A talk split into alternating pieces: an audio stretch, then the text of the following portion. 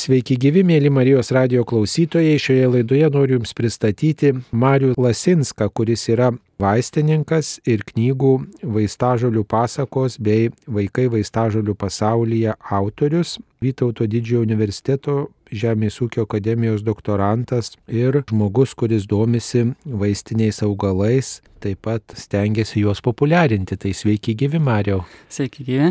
Aišku, labai keista, kad štai jaunas vyrukas, o domisi augalais ir vaistiniais augalais ir netgi dar rašo knygas apie augalus vaikams. Tai kaip čia taip nutiko, kad jūsų gyvenime atsirado dėmesys vaistažolėms? Iš tikrųjų, tai istorija, nežinau, nuo kur pradėti, ko gero nuo universiteto gal laikų, o gal net ir dar anksčiau. Tai gal paimsiu dar anksčiau, tiesiog mamytės garbė ir savo, tiesiog tokiam smagumai. Visi klausia, iš kur čia tas pomėgis, meilė augalams, gamtai, iš kur čia visą tai atsirado. Ir nei giminiai buvo negytas, nei, nei vaistažulinkas. Ir vieną dieną, aš esu iš Neveronių kaimo, čia Kauno rajono prie Kauno Marių. Mama sako, aš Marių raviu juozažolę, tokia vaistažolė yra, vaisnis sopas arba juozažolė. Jis sako, žinok, Mariu, aš atsiminiau, aš kai dirbau Baptose pas profesorę Mariją Baranauskenę, sako, aš buvau jos pagalbininkė ir sako, tu buvai dar labai mažas, sako, pilvukė, pas negalėjai dar rinkti vaistažolį, tai aš už tave rinkau. Tai va tokia graži istorija, va iš kur gavau tas pomėgis augalams, tai pati pradžia vis dėlto nuo iššių prasideda ir tokia graži istorija. Gaunasi, kad mano pradžių pradžia buvo labai labai anksti.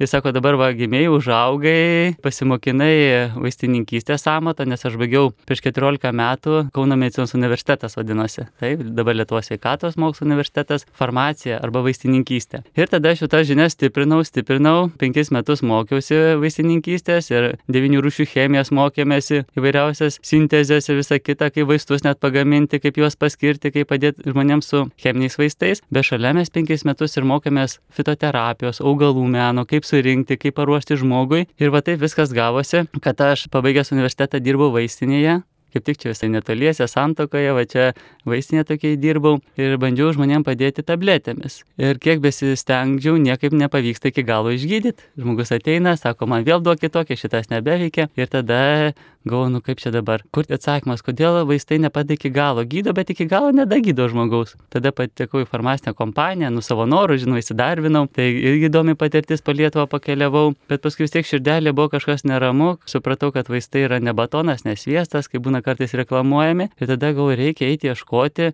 vaistažolių. Nu kaip jūs žmonės padėdavo savo, jeigu toli vaistinė kokiam kaimelėje, taip, arba dar senais laikais, nu kažkaip savo žmonės padėdavo ir pradėjau ieškoti atsakymų gamtoje ir taip gavosi, kai pats kažką sužinai, išmoksti, padedi savo artimiesiems ir kitiems, nu norisi kažkaip pagelbėti. Ir pradėjau tuomet, va, tai žmonėm pas, paskaitas skaityti nuo darželio iki seniorų trečio amžiaus ir sveikatos biurų visą lietą jau ko gero po kelis kartus apvažiavau ir taip pat Gavosi, kad. Seniorai tai suprantama, kad domisi augalais ir jie iš vaikystės prisimena, kad juos ten tėvai gydydavo vaistažolėmis ir patys galbūt turi patirties, bet vaikams ar įmanoma vaikus sudominti vaistažolėmis? Iš tikrųjų, žinokite, tokia mintį visada turėdavau, kaip būtų gerai pabendrauti su mažaisiais klausytais, nes daug labai mačiau tiesiog tikrai vyresnio amžiaus žmonių, dažniausiai moteris domisi vaistažolėmis, kaip sakot, galbūt iš mačiučių perimta išmintim. Jeigu kaip norėčiau skaityti jaunoms šeimoms, vaikučiams, kad nuo pat mažens va tą širdelę pajustų, nes pagrindinė tai man tokia galbūt mintis yra, kad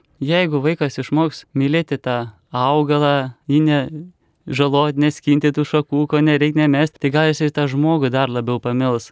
Va tiesiog va tokia va mintis. Ir atviršiai žmogų mylėdamas ir tą gamtą tu tausosi. Ir Bet vaikai tai labai dažnai eina per miestą, pavyzdžiui, ir žiūri, koks krūmas, tai šmaukštų už lapų, nutveria, nei ten tą lapą, valgo, nei juo džiaugiasi, nieko numeta ir viskas, o augalų tai jau žala, ar teko matyti ir pačiam taip elgtis? Tai ko gero visiems čia mums tą teko patirti, bet žinokit, kai aš nuvažiuoju darželius, pas mane klausytojai gali būti nuo metukų, kaip sakau, iki 81 metukų. Jiem įdomu vaikam klausytis jūsų, žinokite, sugebat sudominti. Ir mes sudominam ir aš tiesiog paklausiu vaikų, su kuo aš atėjau, sakau, patirapsiu kuom, sakau, su kuo atėjau, sakau, su kojomis, sakau, su kuo galėtų medžiai vaikščioti arba augalai, sakau, su kuo įsitvirtina, su šaknimis. Va, sakau, taigi, kuo mes labiau panašus, ar sakau, skirtingi su augalais esame. Kaip sakau, dievulis sukūrė žmogų, augalą, sakau, labiau panašų ar skirtingą, sako, vieni panašų, kiti skirtingą, nu, sakau, paieškokime tų panašumų ir pradedam, sakau, su kuo atėjau, su kuom, su šaknim reiškia, taip. Su kuo, sakau, jums pamojuoju, va per langą jums mojuoja medžiai, kai vėjas pučia, su šakomis, Tai vaikai sako, rankos šakos yra, va patys vaikai atranda. Su, kuo- su kuo mes šypsome, su kuo mes čia, sakau, va prižiūrime savo veidą, prausimės. Veidas, ranko, galva, sako. Taigi sakau, žiedas yra kaip galva, teisingai. Arba medžiai viršūnė tai yra kaip galva. O sakau, kad galva mano nenusiridentų čia pat kambaryje, sakau, kas manęs. Taigi va kaklas arba stuburas kamienas medžiai. Tai ir vaikai nusprendžia, kad vis dėlto mes labiau esam panašus. Taip, kojos šaknis, rankos šakos, kamienas, aiškiai, stuburas, galva viršūnė arba žiedas. Ir tada, kai tai supranta, vaikai susimasto ir galbūt mažiau jau laužys. Mažiau laužys, mažiau žalos gamtos. Turbūt iš vaikystės prisimenam, kaip teko, ypač tie, kurie mokėmės sovietmečių,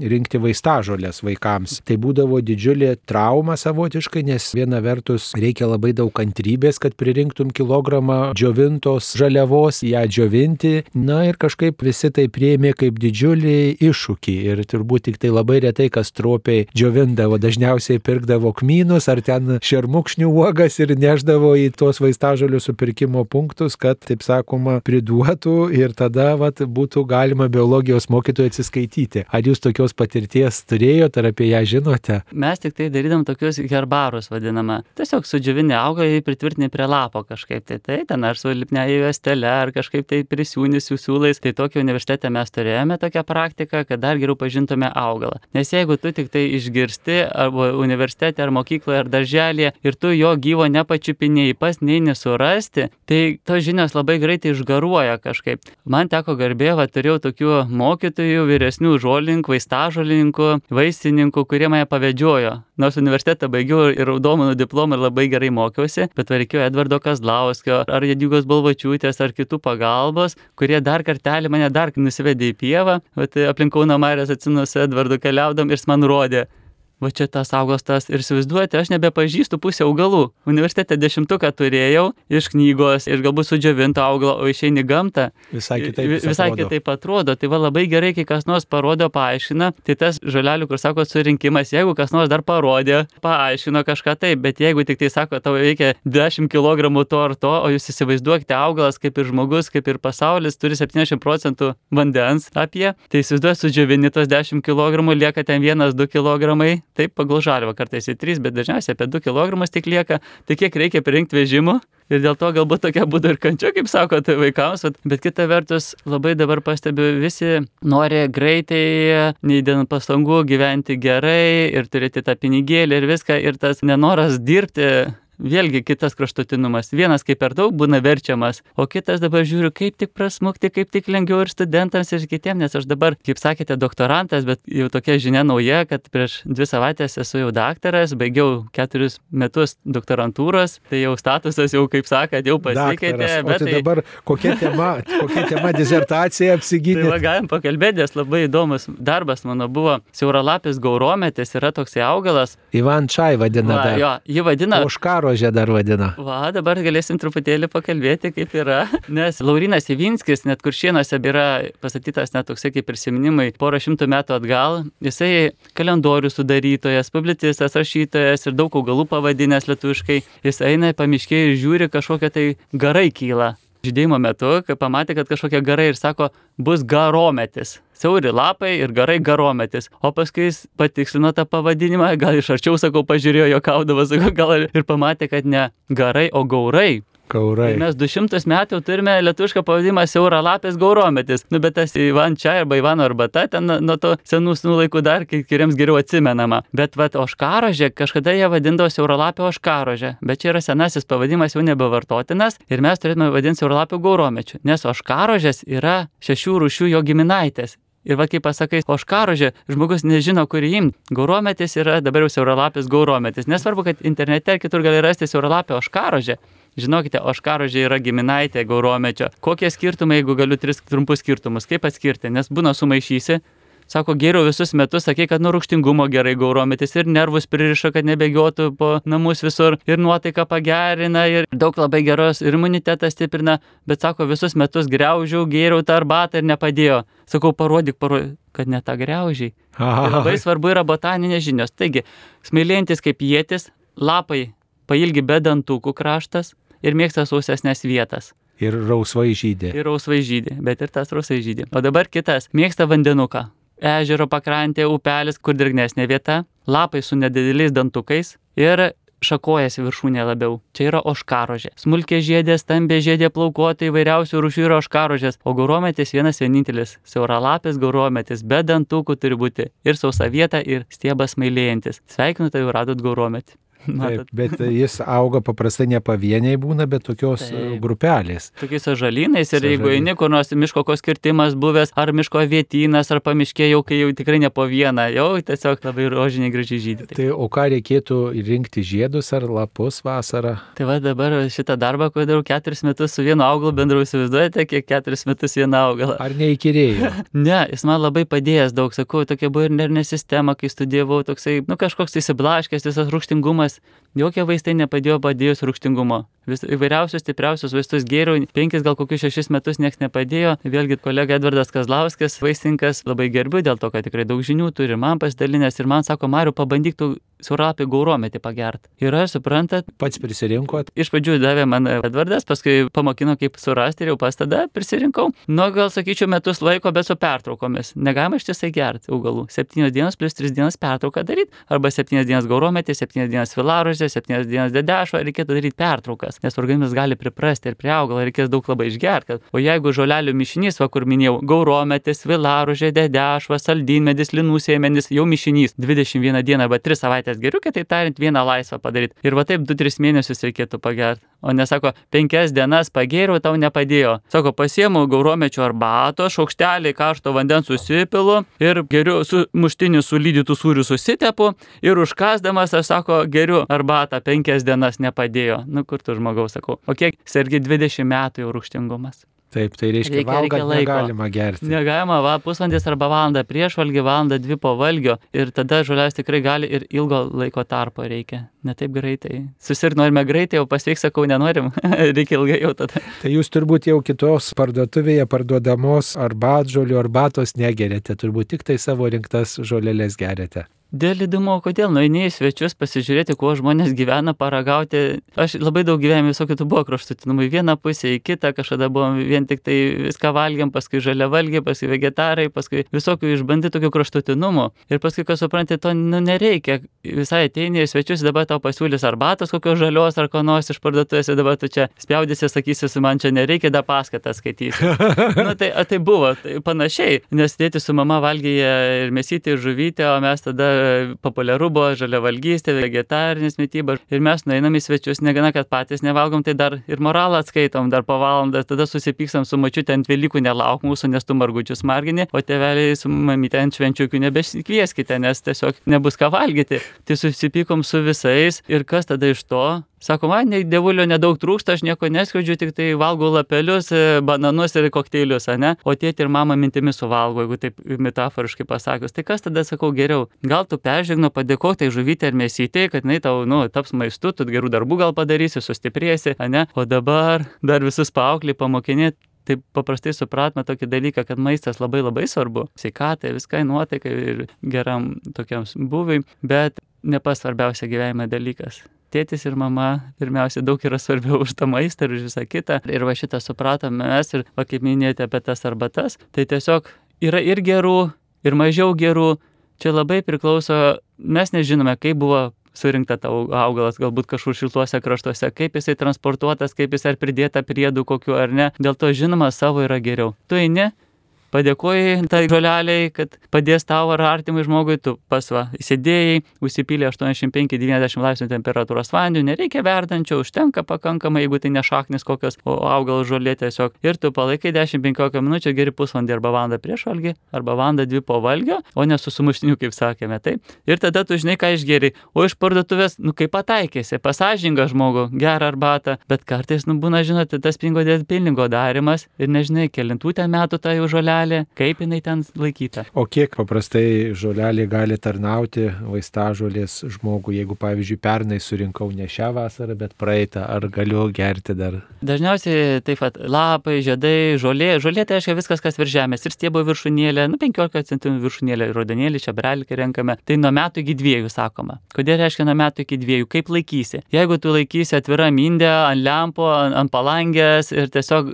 sumažėstų labai biologiškai aktyvių medžiagų labai greitai, dėl to reikėtų laikyti nuo drėgmės apsaugotoje, tamsioje vietoje, spintelėje, kažkur garų nėra, o jeigu kokie maišeliai lininiai ar kokie popieriniai, kad kandžių nebūtų, šlapių šaukštų nedėt, o jeigu atsidarėjai, šlapę šaukštą įdėjai, vėl uždarėjai, tai ten gali ir per kelis mėnesius to tenais taip sugesti. Jeigu gerai laikote žoleles, nuo metų iki dviejų, geriausiai kas metus pakeisti, nes tų biologiškai aktyvių medžiagų tikrai mažėja nuo ilgumo laikymo ir nuo netinkamo laikymo sąlygų, bet jeigu tu pasižiūri tą medetka, buvo tokia morkinės spalvos, jinai tokia pati liko, kvapas yra ir po dviejų metų tu ją gali gerti. Tai va tiesiog įvertinkite, jeigu kvapas yra patrynus, spalva dar neišblukus iki baltos biržų lapelio, jeigu ten jau balti beveik, nu tai ką. Tai. Jeigu spalva yra, kvapas yra, tai naudokite ir kad nežinai, kada, kada pririnkta. O tai kokias dar klaidas žmonės daro vartodami vaistažolės arba rinkdami vaistažolės ar kažkaip pasirinkdami, kurias gerti? Iš tikrųjų yra tokios trižolinko taisyklės, kurių pintėjote ir mano knygas, Vaikai vaistažolių pasaulyje. Tai va, pirma ta knyga yra vat, skirta šeimoms ir vaikams, kaip minėjote, nu kaip prie to vaiko prieiti ir, gau, ir, ir pas didukrytės turiu 5 ir 7 metų, tai gau jos buvo dar mažesnės, kai rašiau knygas, jau, jau 19 metais pirmą parašiau, tai va, jau buvo visai dar mažytės. Ir gal... jom rašėt? Rašiau iš tikrųjų jom, bet ir visiems Lietuvos vaikams, paskui parašiau joms ir visiems Lietuvos vaikams, tam, kad pamiltų gamtą, teisingai elgtųsi ir tokias trižuolinko taisyklės. Pirma taisyklė - iš pat jau vakaro pasiruošti, drabužėlius, krepšelį pasidėti, ryte atsikelt, per daug nešūkau, nekalbėti, susikaupti, maldelę kokią sukalbėti, reiškia, kad tu nusiramintum, taip, ir tada eini rinkti vaistažolių. Tai va pirma taisyklė - nusiteikimas ir pasiruošimas. O jeigu dar turėsi kilnui širdie tikslą, ne savo, o mačiutė, kad sanarių neskaudėtų ar teveliui, kad rūkštingumas nekiltų, tai gamta, kaip mama, apkabina ir pakuždėjausi pačius geriausius receptus ir nepaleidžia, kol sveikesnis nepareis. Antra taisyklė - padėkoti ir gerą darbą padaryti. Nes eina rinkti vaistažolių ir sakau, o tu padėkojate žolelį, nu širdie dėkingumą bent jau, tai nereikia šaukti, ačiū tenais, bet tu dėkingumą už tai, kad tu va rinksi, augalai tai augo, jiems reikėjo pastangų įdėti tai. Nu, dievas augino, Dievas davė, taip. surasti Dievas davė, štai aukti augalui. Taip, tai va, dovana. taip, tai va šitas dalykas yra labai svarbu, kad va, padėkotų už visą tai mūsų kuriejai, taip Dievai, ir nepamirš padaryti gerą darbą. Sako, aš prisirinkau vaistažolių, bet sakau, o tu šiukšlės įbridęs renki vaistažolės. Sakau, tu besilankstydamas tą vaistažolę, gal tu šiukšlelę to pačiu pakeltum. Tai antra taisyklė - padėkoti ir gerą darbą padaryti. Šiukšlelių tikrai nestokoja, gamta gaila, bet tai vad išneškime tai. Ir trečia taisyklė yra mažiau savo, o gamtai palikti ir kitam žmogui daugiau dar. Net būna žmogus viską, viską surenka. surenka. Taip, 12, jeigu sakau, čiobrelių radai, 3 paimi, 9 palieki. Tik 3 paimi čiobrelius ir 9 palieki. Tai sako, tai ir su baravykais taip daryti? Pajokauja kiti. Nu, sakau, nežinau kaip su baravykais, bet su žolelėm tikrai, kad jos gyventų ir toliau plėstus ir kad kitam dar draugui paliktų. Nu, šaknys lieka, čiobrelių nuskini viršūnėlė šaknelės lieka, tai nereikia rauti. Gerai, kad jūs žinot, kaip rinkti, o kitą žinokit, kad daugiau žaliavos ir inturgelį, kad va, tai su visom šaknim mačiau kartais kiti nurauna. Tai tikrai jau reikėtų su žirklutėm arba kažkaip atsargiai, bet vis dėlto visko nenuskinkime. Tiesiog palikime, nu, nereikia ten su pincetu skaičiuoti, kiek ten tų lapelių paimsi gauromečio ar ten ko. Taigi tokios tris paprastos taisyklės atveda į tai, kad tu žmogus tada elgėsi jau kitaip gamtoje ir mažiau klaidų padarysi. Ir taisyklės tokios, kad būtų sausa, kai renki vaistažolės turi būti sausa, išskyrus žinoma rudenį, kai šaknis kasamos, tai bet kokiu oru galima. Jeigu dabar kalbant apie šį metą, apie rudenį ar apie žiemą, tai ten labai tų sausų dienų nerasime. Bet vasarą turi būti rasa nukritusi sausa apie 12 kokią valandą, va tai nerinkti vaistažolės, o šaknis arba ten kokį nors spigliukus, tai mes žiemą netrenkame. Spigliai geriausiai rinkami gruodį, sausis, vasaris, kai šalnos yra, o šaknis kasamas va jau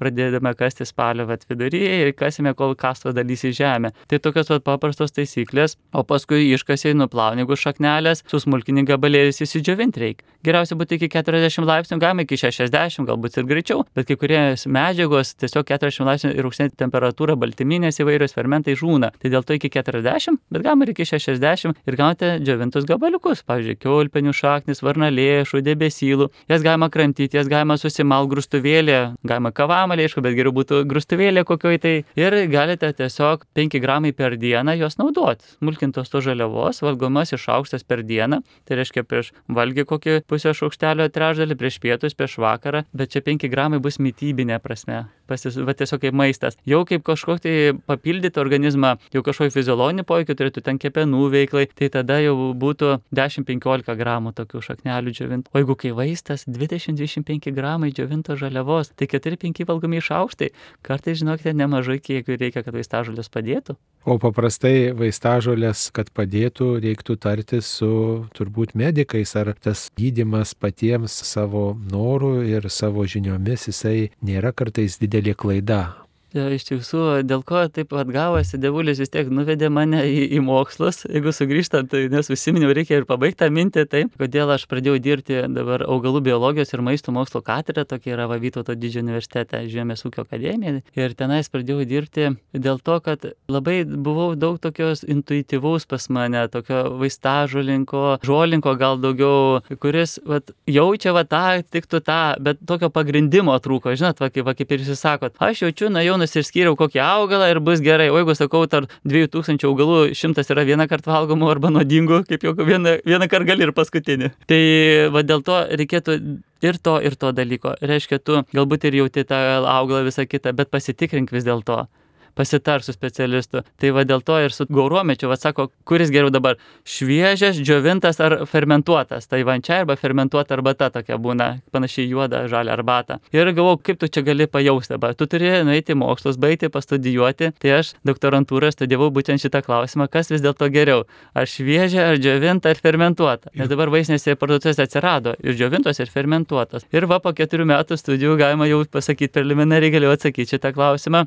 Ir kaip tada galima būtų atsakyti? Jeigu taip galima būtų atsakyti, pati aš mėgstu pajokauti, geriau žmonės atsimena ir paskaituose linksmiau klausosi. Tai sakau, jeigu nori, kad metai skaičiuotųsi atgal, tai eini tiesiai nuo krumelių ir greuži. Jeigu reikia, Žalia. jo, reikia vitamino C, reiškia flavonoidų, tos medžiagos, kaip sako, antioksidantai, kurie suriša laisvosios radikalus, kad nesenėtum, jeigu taip reklamiškai kalbant. Taip, nu galima, žinoma, negriaužti, tiesiai galima tos kokteilius, kas mėgsta ten kažkaip susimalti, nu į salotas ar kažkaip tai. Jeigu nori tokios arbatos maišyti su kitom tom žolelėm žiemai turėti atsargų rūkštingumui mažinti, va tokia kaip jau tokia arbata, tada sudžiovink. Labai gaurometis greitai džiūsta. Jisai Lapai. renkamas lapai, galima rinkti ir lapus, bet galima ir žiedus, bet žiedai renkami reiškia birželio pabaiga Liepos pradžia. Vėliau žiedai pukais virsta ir gali sugadinti žaliavą. Tai jeigu žinai birželio pabaiga Liepos pradžia, tai viską rinkite, visą viršūnėlę, žiedai ir lapai, bet jeigu po Liepos jau vidurio, tai tada tik tai lapus. Nes Nes paskui gaurai vien tik bus. Jo, bus gaurai. Ir tada tu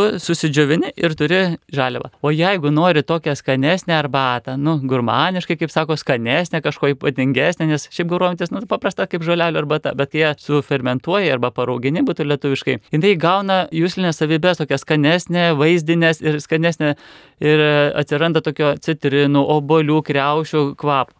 Tai vad, kuris dabar atsakymas geresnis, ko žmogui reikia? Dažniausiai taip daro, pusę šaukštelio džiovintos, pusę fermentuotos, sumaišo ir gauni ir to, ir to, ir to. Nes vienų medžiagų daugiau šviežiame, kitų džiovintame, o fermentuotame vėl atsiranda kitokių medžiagų. Tai vienapusiško atsakymo nėra. Aš dėčiau ir to, ir to, ir to, o jeigu yra iš šviežio, dar iš šviežiai dėčiau. O tai klausykit, o fermentuoti namų sąlygomis įmanoma?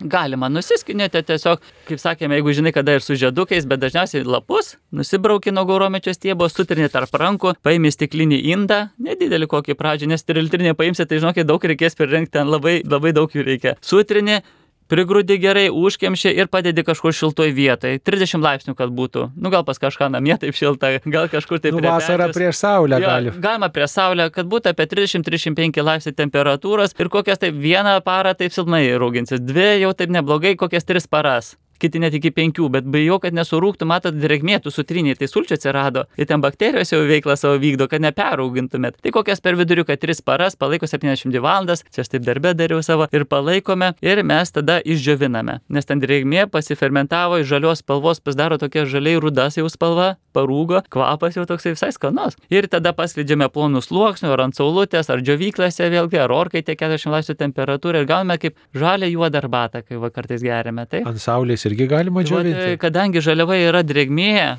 tai tada galima. Bet jeigu mes augalą nuskintume dabar, va įprastai gaurometį ir džiovintume, negalima tiesiog nesaulės spindulių.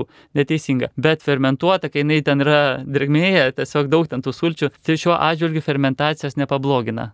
Džiavimas ant saulės. O kiek yra to placebo efekto vartojant vaistažolės arba ir vaistus, jūs vat, ir susidūręs ir su vaistų vartojimu, kad nepadeda vaistai arba vaistažolės nepadeda. Gal va, tas toks tikrumas, kad man turi padėti tas placebo efektas įsitikinimas, kad man čia padės. Kiek tas čia reikšmingas dalykas. Arba pavyzdžiui, aš manau, kad ai, čia man nieko nepadės ta vaistažolė. Bet liepia ten mama ar žmona gerti, tai tada geria. Tai iš tikrųjų tokia tema partija labai gera, nes galvoja žmogus, kad vat, paims stebuklingą augalą kokį nors, ar mūsišką iš mūsų krašto, dabar populiaru iš kitur kur nors atvežti, visą gerai, kaip sakant, jeigu žmogus tiki, su tikėjimu visada geriau yra, nesakau, kaip, ai, nu gersiu tai tenais, aiškiai, vis tiek man nepadės. Tai kam tu sakau, geri tada arbatą? Taip, su tikėjimu, bet dar tinkamai darant, kiek mes kalbėjome, taisyklių visokių yra. Tai yra žymiai geriau, bet kitas dalykas, vad būna, kad sako, aš nieko gyvenime nekeisiu, Vat išgersiu, kada reikės vieną augalą, kitą kito, ar kažkokio tai preparato, ar vaisto, ar papildo, ar, ir aš daugiau gyvenime nieko nekeisiu, tai galiu pasakyti, va jau kokie 14 metų aš tai tau paskas konsultuoju žmonėm, vat padedu tame kelyje link sveikatos arba link sveikiem ir suprantat, ir, ir žmogus valgo tris epelinus ant nakties, kilo jam rūkštingumas, žinoma, ir jisai ateina pažolinką ar, ar kažkur vaistinę, duokit man dabar žolelių nuo rūkštingumo. Palau, mielas žmogaus, sakau, gal cepelinų nevalgom trijų nakties. Ne, ne, negaliu, visi valgė gimniai, visi valgo, pripratau tris cepelinus. Ačiū viso gero, sakau, negadinkime žolelių ir laiko, kam dabar jūs gaišit laiką, jeigu žolelių duosiu, gaurometį sumažinsim rūkštingumą, jis nuės vėl tris cepelinus. Tai pirmiausia įpročių keitimas. Reikia įprotį keisti, suprasti, kodėl tau duoda tą rūkštingumą. Devulis sako, tu nevalgyk trijų cepelinų nakties, aišku, aš tau duodu padėjusi rūkštingumą, nu nevalgyk trijų cepelinų nakties. Keis savo biški įpročius dienos metu, gal gal saiko, saiko, saiko. Ai, tu su savo patarimais, sako žmogus. Sako, aš jau duodu tau refluksą, išvaržą, ar tu girdi mane, sako, ar tu e, nori atkreipti tavo dėmesį, tu negerai maitiniesi. Nu, ir gaila, kad kartais va, žmogui kažkokia turi būti bėda, nu, va, kažkokia tai dalykas, kad jisai susiprastų, oha, man kažką tai čia mokina šitą situaciją. Reiškia, saikas turi būti. Galbūt va, va, pajudėti reikėtų, nes ten skauda sąnarius, ai tai tepaliukų pasitepsiu su kaulažolė ten ar kokią medetku tepalą nusipirkęs kur nors. Vis dėlto pirmiausiai yra pa žmogus turi susiprasti, ką daro ne taip savo mintimis, žodžiais ir darbais, mes tiesiog patys vedame tam įvairias situacijas ir augalai paskui norime, kad už mus įspręstų. Tada einame pas žolinkus, pas gydytojus, dar nežinia kur, pas dabar tokios pasiūlos yra nuo, nežinau, nuo burtinkų, šamanų, ten, nu, žodžiu, kur tik tai, tai nori. Kaip atskirti, kad neusiraut, kaip sakoma, ant tų žolininkų, tokių, kurie, kurie šarlatanai yra ir tokie, kaip sakant, apgavikai, kurie tik pelno ieško bet kur ten tų žolių priešneaukštę ir va čia siūlina, kad čia padės. Labai, labai, labai ir, ir, ir, ir aktuali, labai skaudi tema, žinokite, nes dabar tiek daug visko vyksta ir būna aš kaip jau pasakose būna ateina, sako, koks velnės ir sako, aš tau sūnui ten pasveikatinsiu iš lygos kokios arba ten vos neprikelsiu iš numirusių, tik man mažą dalyką duoti, tik mažą mažį tokį sielą yra, nu toks mažiukas, nu ten sako, kai mažiukas toks. Nematomas. Nematomas. Ir suprantat, čia atrodo kokia pasaka, bet tas vyksta iš tikrųjų, žinokite. Ir, ir gal, gal va čia va išėjus va mieste tu nepamatysi, bet e, miškuose kur nors, adakonos, slaptai tokie dalykai vyksta ir, ir tikrai šitą reikėtų, gal čia labai ilga tema, bet tiesiog trumpai pasakant, būti budriems labai reikia. Laikai, ir jeigu jauti, kad už tave kažkas kažką nori padaryti, jeigu tu kažką kaip čia sako, prisiveriai košės įsirieb, nu tokia liaudiška gal patat, bet tu jeigu gyvenime savo mintimis žodžiais darbais kažką, nu, netai maitinai, įsipykai ant savo mamos tėčio net leisdamas, nu, tiesiog balgai ilgėsi su artimu žmogum, su kaimynu ir tau dabar, reiškia, kažkokios tai skausmai, bedelės ar kažką tai, ir tu dabar nori, kad duotų tau žolininkas, būtinkas ar ten grakas, nors koksai bioenergetikas tau nuimtų visą tai, nu tai, tai kaip iš pasako, ne? Tai reiškia, tu kažką turėsi atiduoti. Tau kažką nuims, bet tu kažką, o tas kažkas yra vienas iš brangiausių dalykų, ką Dievulis davė. Tai tausokime šitus dalykus. Gal geriau tegul tą sanarį paskauda ar tą rankytę. Geriau patiems, kaip sakau, pasimkite tą bliūdą savo ir bandykit gerų minčių ieškoti, nu padėkite žmogui, kuris kažko negali, atleiskite tėčiui, mamai ir pamatysit, kai tai jūsų bliūdas ištušties ir sveikatos prisipildys, apart to, kad dabar eina pinigėlių susimokėsiu, ar ceremoniją kokią padarys, dabar ten visokių daro baisių dalykai, iš tikrųjų yra sielos atžvilgių. Ir, ir, ir, ir ta pati rekla, reklama labai reikia atsargiai viską irgi žiūrėti.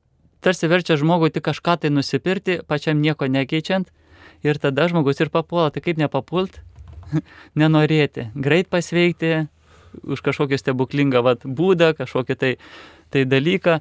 Geriau sažiningai, va, kad ir tą patį augalą, tu naini, renki, naudoji, sakiau, ir metus reikės ir pasistengti. Tikrai nenorėkite pasiekti, kaip sako reklama, nusipir pakelę, išgersti ir tu sveikas, ar ne?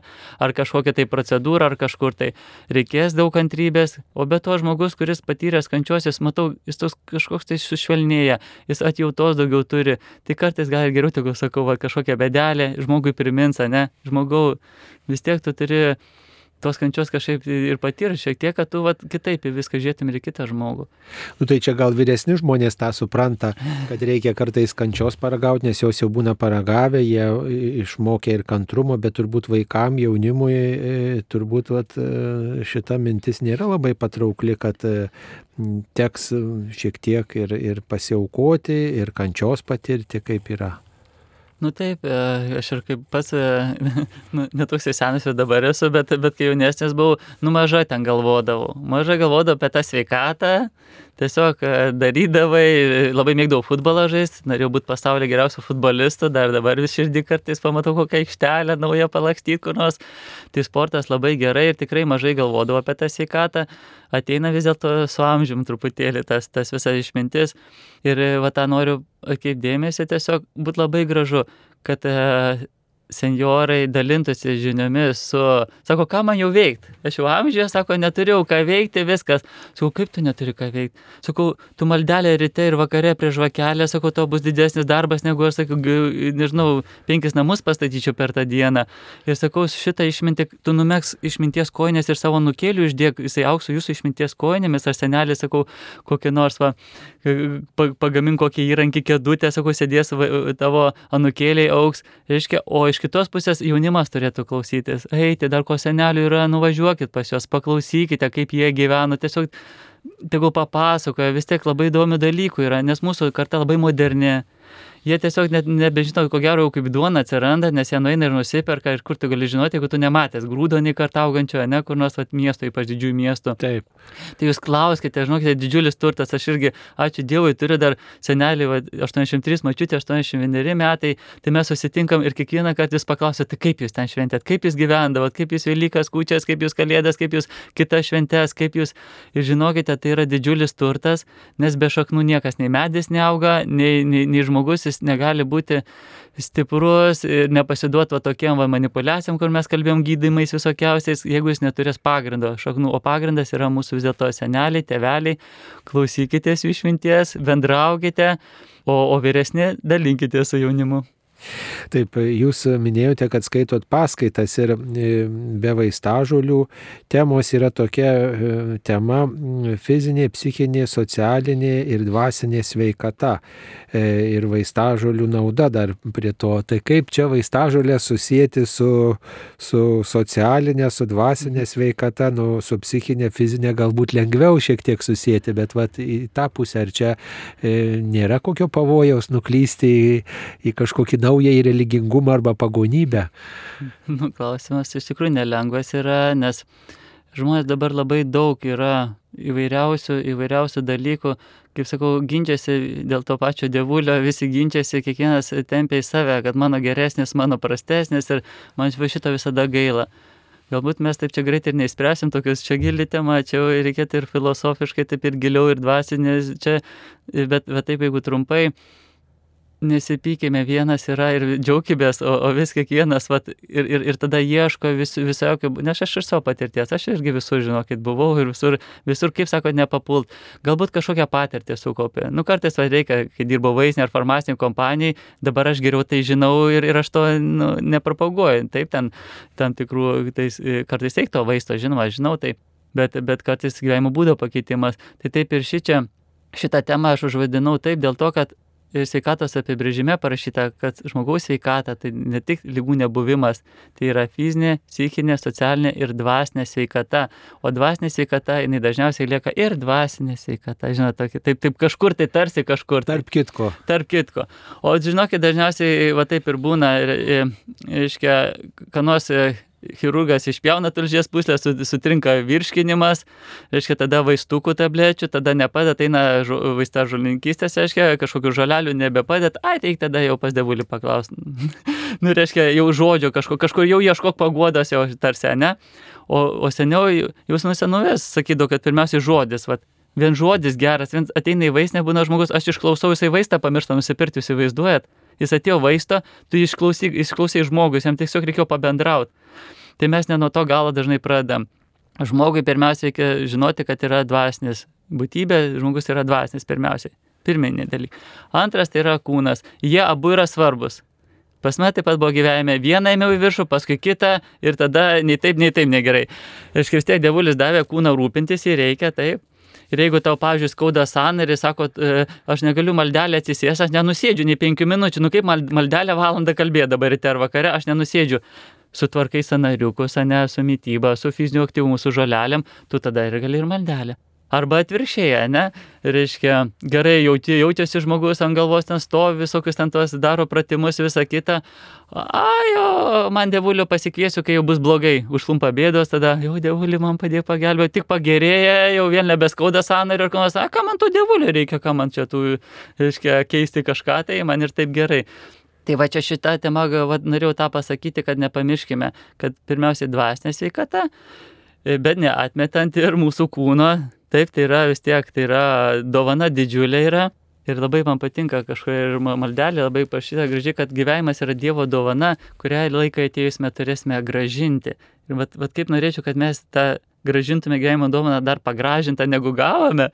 Tai reiškia, kad mes tausokime ir, ir kūną, bet ir nepamirškime dvasinės sveikatos, nes iš tikrųjų kokia ta prasme, nes dažnai žmonės klausia, vad, valgo pamiego, uždirbu, vėl pavalgo, vėl pamiego, reiškia, ir kas sako man iš to ir ieško kažkokio, kažko tai neapčiuopimo, sako, tai kur tada laimė ir supranta tikrai, kad ne piniginėje ir kur ta laimė ir pradeda tada žmogus ieškoti.